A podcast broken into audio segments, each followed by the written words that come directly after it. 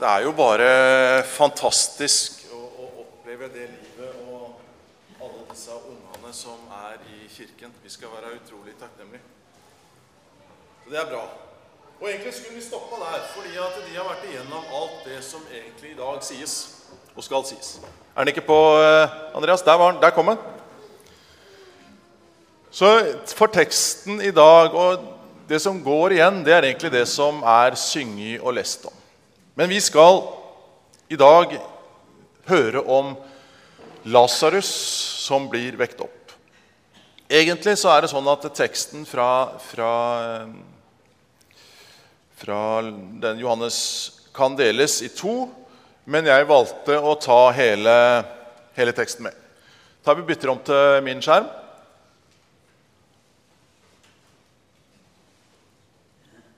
Eller Skal du ha den der nede? Ja, den kommer. Så bra. så bra. Skal vi gjøre sånn igjen, da, så den kommer? Der kom den.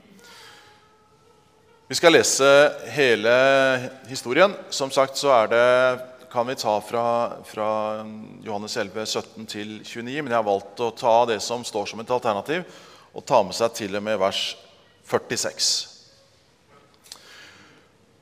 Da Jesus kom fram, fikk han vite at Lasarus alt hadde ligget fire dager i graven. Betania ligger like ved Jerusalem, omtrent 15 stadier fra byen. Og mange av jødene var kommet til Martha og Maria for å trøste dem i sorgen over broren. Da Martha hørte at Jesus kom, gikk hun for å møte ham. Maria ble sittende hjemme. Martha sa til Jesus' 'Herre, hadde du vært her, var ikke min bror død.' 'Men også nå vet jeg at det du ber Gud om, vil han gi deg.' 'Din bror skal stå opp', sier Jesus. 'Jeg vet han skal stå opp i oppstandelsen på den siste dag', sier Martha. Jesus sier til henne, 'Jeg er oppstandelsen og livet.' 'Den som tror på meg, skal leve om han enn dør.' Og hver den som lever og tror på meg, skal aldri i evighet dø. Tror du dette? Ja, Herre, sier hun. Jeg tror at du er Messias, Guds sønn, han som skal komme til verden. Da hun hadde sagt dette, gikk hun og kalte i all stillhet på sin søster Maria og sa til henne, 'Mesteren er her og spør etter deg.' Da Maria hørte det, sto hun straks opp og gikk ut til ham. Jesus var enda ikke kommet inn i landsbyen, men var fremdeles der Martha hadde møtt ham. Jødene som var hjemme hos Maria for å trøste henne, så at hun brått reiste seg og gikk ut. De fulgte etter fordi de trodde hun ville gå til graven for å gråte der. Da Maria kom dit Jesus var, og fikk se ham, kastet hun seg ned for føttene hans og sa, 'Herre, hadde du vært her?' Ville ikke broren min vært død? Da Jesus så at både hun og alle jødene som fulgte, etter, fulgte henne, gråt, ble han opprørt og rystet i sitt innerste, og han sa, 'Hvor har dere lagt ham?' 'Herre, kom og se', sa de. Jesus gråt. 'Se hvor glad han var i ham', sa jødene. Men noen av dem sa, kunne ikke han som åpnet øynene på den blinde, også ha hindret denne mannens død? Jesus ble igjen opprørt og gikk bort til graven. Det var en hule, og det lå en stein foran åpningen. Jesus sier, 'Ta steinen bort.' 'Herre', sier Martha, den døde søster, 'du lukter alt av ham. Han har jo ligget i fire dager i graven.' Jesus sier til henne, 'Sa jeg deg ikke at hvis du tror' så skal du få se Guds herlighet. Så tok de bort steinen, løftet blikket mot himmelen, og sa, Jesus løftet blikket mot himmelen og sa, 'Far, jeg takker deg fordi du har hørt meg.' 'Jeg vet at du alltid hører meg, men jeg sier dette på grunn av folket som står omkring,' 'så de skal tro at du har sendt meg.' Da han hadde sagt dette, ropte han høyt, 'Lasarus, kom ut!' Da kom den døde ut med liksvøp rundt hender og føtter og med tørkle bundet over ansiktet. Jesus sa til dem, 'Løs ham og la ham gå.' Mange av jødene som var kommet til Maria og sett det Jesus gjorde, kom til tro på ham. Men noen gikk til fariseerne og fortalte det han hadde gjort. Kjære Jesus, takk for ordet ditt. Takk for denne historien om Martha og Maria som møter deg ved sin brors grav. Takk for at du er herre over liv og død. Takk for at du også ønsker å være det i våre liv. Vi ber deg nå, led oss med Din Hellige Ånd gjennom denne teksten, sånn at det som kommer, er fra deg, til trøst og til glede for oss. Kanskje litt til tukt og formaning også. Kjære far, vi legger det i dine hender. Amen. Det er jo en ganske så lang tekst, eh, så jeg har tenkt at vi skal bryte den opp litt, og så tar vi litt og litt av gangen. Som eh, Elisabeth sier, så er det kalt høstens påskedag. Og rett før denne teksten som vi eh, leser, så har Jesus altså, han har fått beskjed at kameraten din, vennen din Jesus, vennen din Lasarus, han er sjuk. Han er dårlig. Og Så lar Jesus det fortsatt gå noen, et par dager, tror jeg det står. Og så går han til Martha og Maria. Og Det er her vår tekst begynner. Når Jesus kommer fram. Da har han allerede faktisk ligget fire dager i graven. Og Da kan vi jo stille spørsmålet som alle de andre gjorde også. Hadde du bare gått litt før, du, så hadde du vært der mens han enda levde. Det var jo tross alt ikke så langt. Det var 15 stadier. Ja, Det er tre kilometer, det. Sånn cirka. Så det er jo veldig nært. Jesus var egentlig rett i nærheten når han får beskjeden om at Lasarus er sjuk. Når de hadde sendt dette telegrammet eller dette menneskebudet til Jesus. Men Jesus, han blir der. Det står at mange av jødene de var kommet til Martha og Maria. Ja, De hadde vært noen sånne Ole Brummer og Nasse Nøffer som hadde kommet fordi at vennene deres de hadde det vondt. De var der sammen med dem og gråt sammen med dem, midt i sorgen. Her er i hvert fall jeg noe å lære.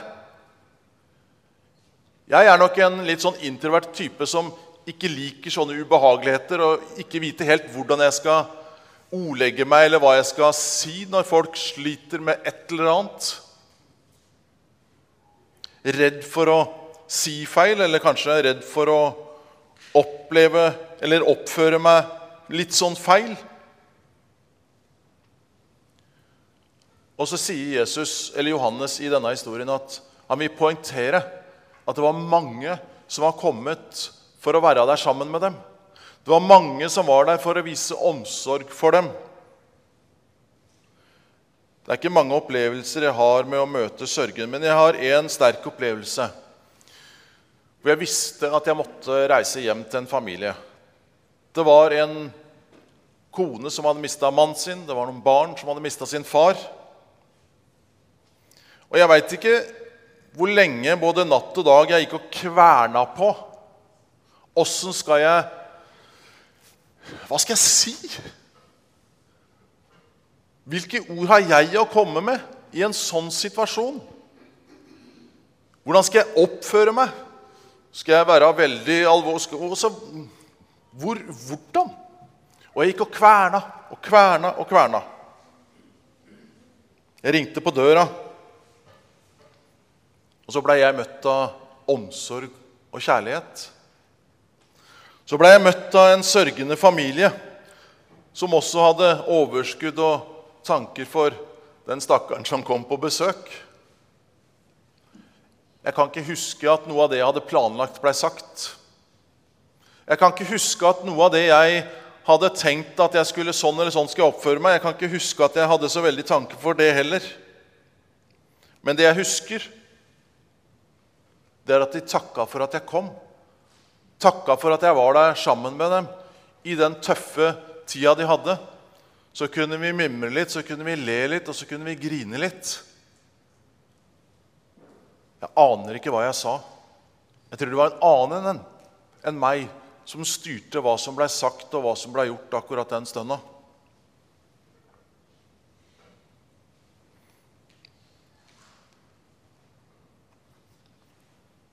Derfor er oppfordringa fra Johannes i det lille biten hvor eh, jødene flokker seg rundt Maria og Martha i dag, at vær der. Vær til stede.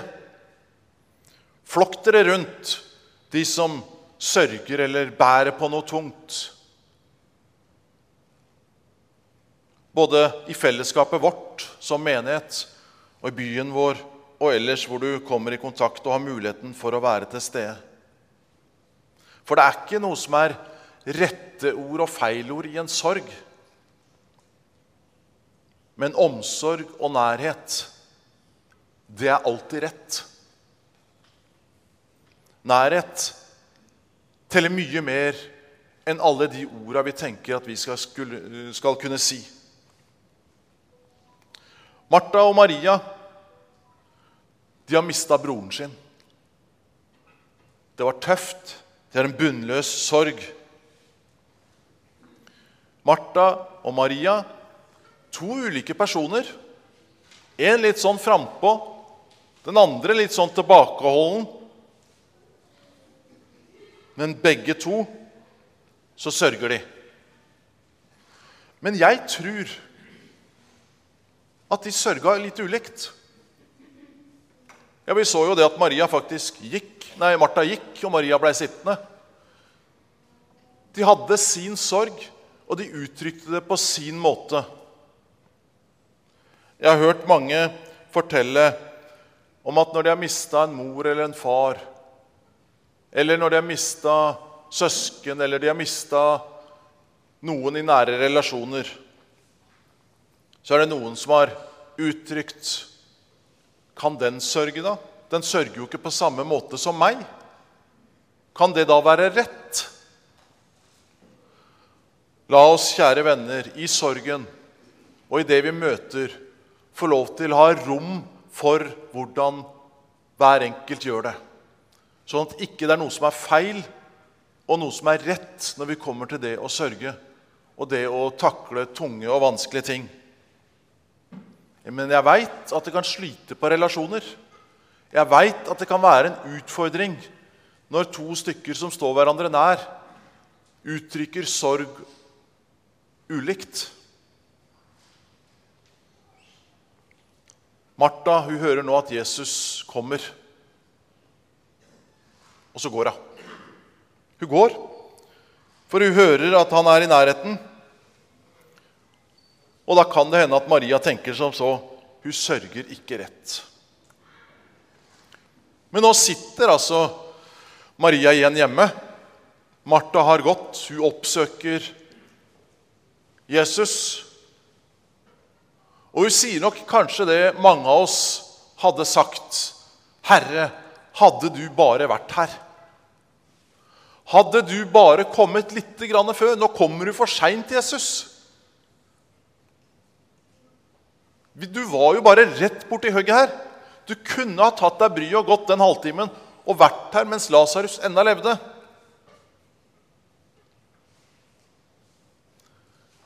Har du sagt det sånn? Har du kjent det sånn?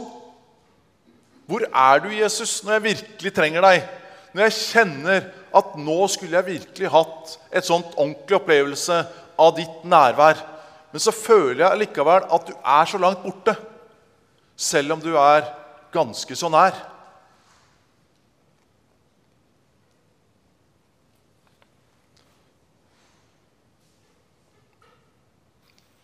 Jesus han eh, stopper deg opp litt.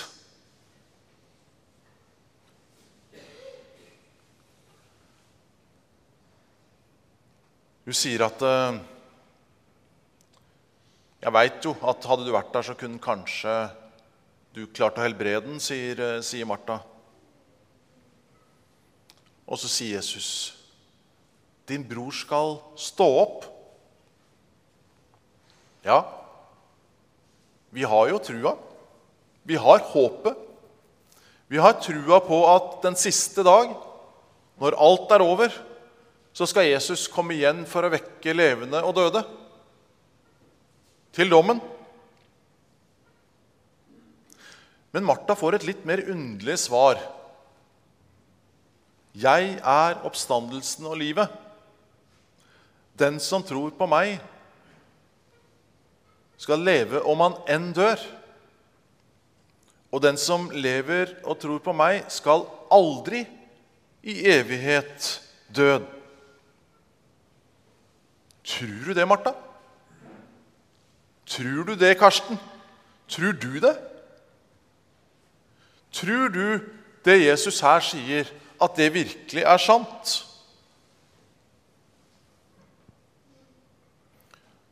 Martha hun kunne bekjenne 'Ja, Herre'. Jeg tror at du er Messias, Guds sønn. Han som er lova, han som vi har hørt om fra Det gamle testamentet, og som vi virkelig visste skulle komme. Ja, jeg tror.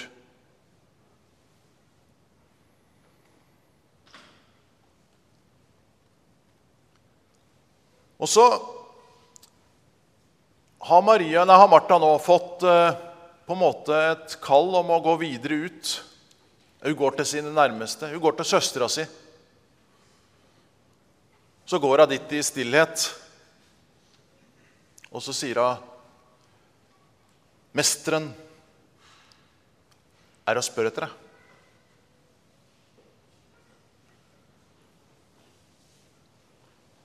Og så gikk også Maria til Jesus med den samme anklagen og litt sånn oppgittheten at hadde du bare vært her, så hadde ikke broren min vært død. Så står det at Jesus han blir opprørt. Han begynner å ja, I sitt indre, står det. Det, det høres, det høres sterkt ut. Altså, det, det, er så liksom sånn Han kjenner smerten, han kjenner alt det disse Martha og Maria og alle jødene rundt Når de liksom står der og gråter, så kjenner han det virkelig. At dette her, det er tøft. Og så blir han også opprørt. Og så kommer det korteste verset i den norske bibelen. Jeg har lært at det faktisk er ikke det korteste i den greske. For i den greske er 'vær alltid glade' det korteste. Men i vår norske bibel så er 'Jesus gråt' det korteste bibelverset. Jesus viser at han også er en med følelser, og som har omsorg og kjærlighet for de som står rundt. Og så kan vi lure på da, er det bare den omsorgen og kjærligheten som gjør at Jesus gråter. Er det bare sympatien for Martha og Maria? Ja, det kan godt hende det bare var det. Men kan det også ha vært at han egentlig er litt sånn fortvila oppgitt over alle disse jødene som står rundt og gråter, og så vil de kanskje mange av de ta han av dage? At de egentlig nå ja, Fordi tradisjonen var sånn at vi skulle starte et sånt gråtekor sammen, så møter vi opp men egentlig så vil de bare anklage og føre ham for dommen. Eller var det at han faktisk også tenkte på sin egen død, der han står etter hvert nå på utsida stein, han som er livet, og så møter han døden på innsida av denne steinen. Jesus blir opprørt.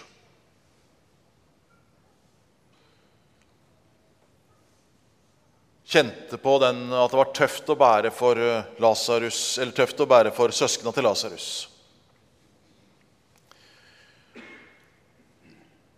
Og så har jeg eh, fått en tanke om at også når de står her i sorgen Hvordan Lasarus sin sykdomsbilde forløp seg, det veit vi egentlig ikke. Det står ikke noe om. Men det det står noe klart og tydelig om i Bibelen, det er at døden er vår siste fiende. Det står ingenting om at vi skal unnslippe døden. Det står ingenting om at eh, vi skal gå inn i en død som er smertefri og helt grei, når vi nå skal fra døden over til livet der på andre sida.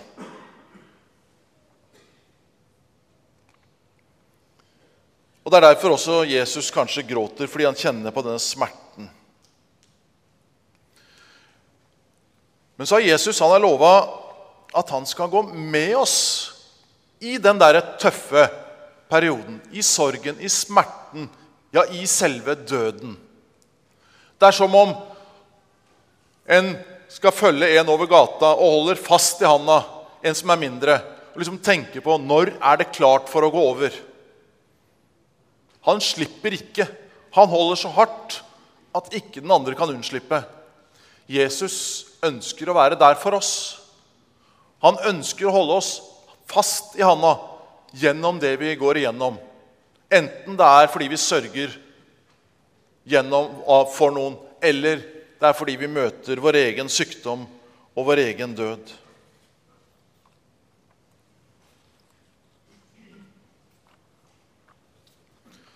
Så står de nå her.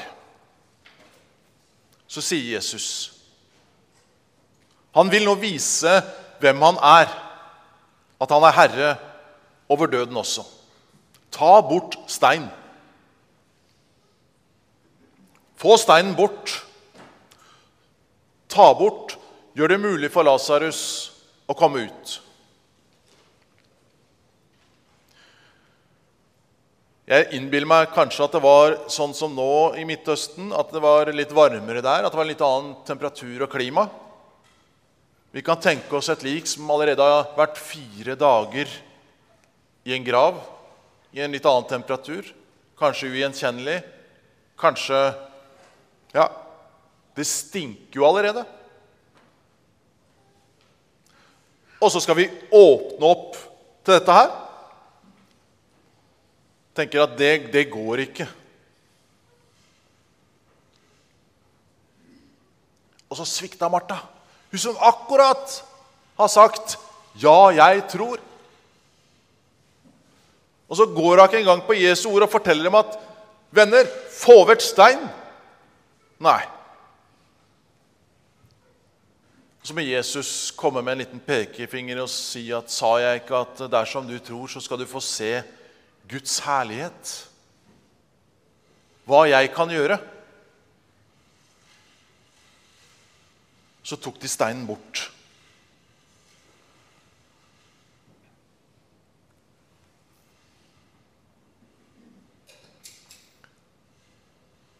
Far. Ja, Vi kjenner kanskje igjen den litt sånn kjærlige bønnen når vi også ber Vår Far, du som er i himmelen. Så ber nå Jesus til sin far, ikke for sin egen del, men for de rundt, så de skal tro. Jesus, han veit at far alltid hører. Men de rundt, de veit ikke alltid at far hører. Jesus sitt mål er at flere skal komme til frelses, flere som skal tro. Derfor så ber han denne bønnen ved å henvende seg til far, sånn at de skal forstå at det er han som har blitt sendt.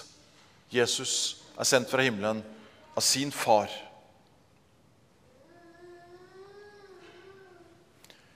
Det som nå skjer gjennom bønnen, og det som nå skal skje, det er for at de skal forstå at Jesus er Guds sønn, og at han har seira og kommer til, i dette tilfellet i historien vår, til å seire over døden. Når han hadde bedt sin bønn tillitsfylt til Gud, så roper han høyt. Lasarus, kom ut!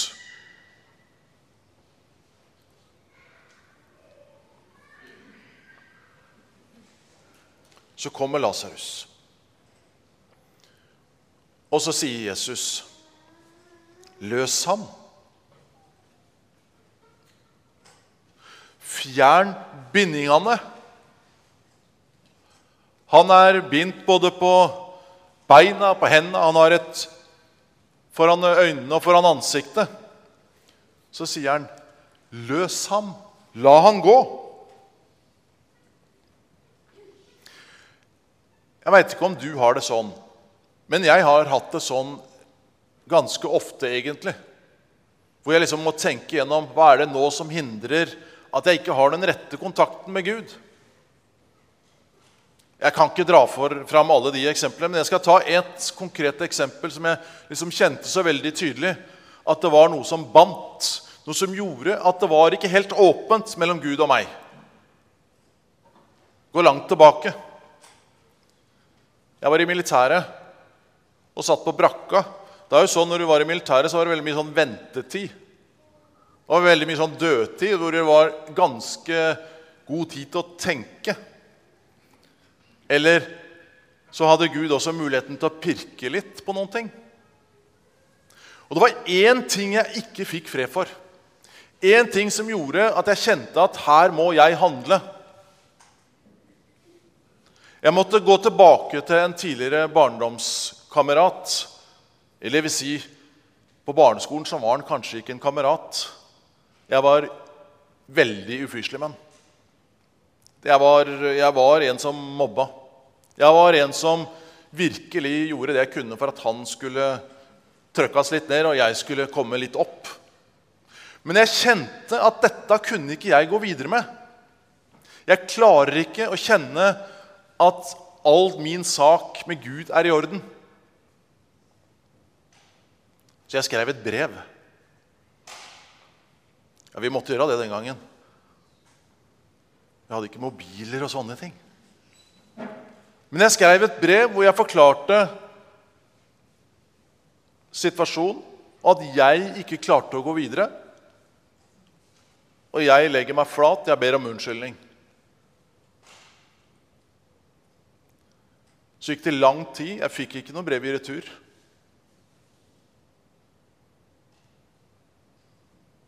Men jeg har møtt den flere ganger etterpå. Vi har snakka om det mange ganger etterpå.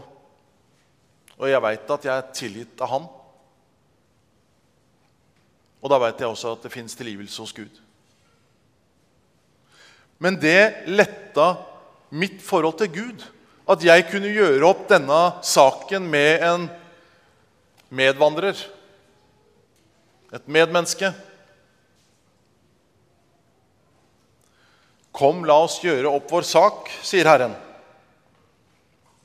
Og Jesus kommer med invitasjonen. Har du noe som du er bindet av? Har du noe som du strever med, som du kjenner at 'jeg bruker så mye tid på det'? Kanskje ikke det er i forhold til et annet menneske, kanskje det er bare deg sjøl som du strever med. et eller annet. Så sier Jesus, 'Kom til meg, alle dere som strever og har tunge byrder.' 'Jeg skal gi dere hvile. Jeg kan løse opp.' 'Jeg kan være med på å fjerne lenkene du har rundt beina.' 'Fjerne det du har foran ansiktet, sånn at du kan få lov til å se.' Se Jesus. Få lov til å gå Jesus i møte. Og så får vi lov til, hvis en ønsker, å være et medmenneske som kan få lov til å gi tilgivelse. Så hvis noen kommer til deg, ønsker en prat om noe, så ta imot og gå sammen. For det kan være livsavgjørende for forholdet til Jesus. Det er ikke alltid lett å tilgi. Og det er ikke alltid rett å tilgi med en gang og kjenne på at det er rett. Men la oss gå hverandre i møte og høre på hverandre og lytte til hverandre. Mesteren er her og spør etter deg. Han ønsker å gi deg evig liv. Jeg veit ikke om du la merke til det, men Jesus sier at vi allerede har evig liv om vi tror på Jesus. Det betyr at hvis du allerede nå har sagt ja til Jesus, ja, da kan det komme hva som enn det måtte være. Jesus holder deg i handa, og så drar han deg gjennom det som kommer. Og så har du evig liv, og så skal vi over fra døden til livet.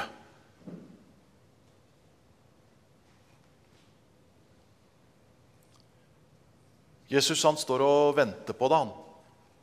han står og venter på oss. Han har tatt alt opp på korset. Dette hadde ikke de sett enda.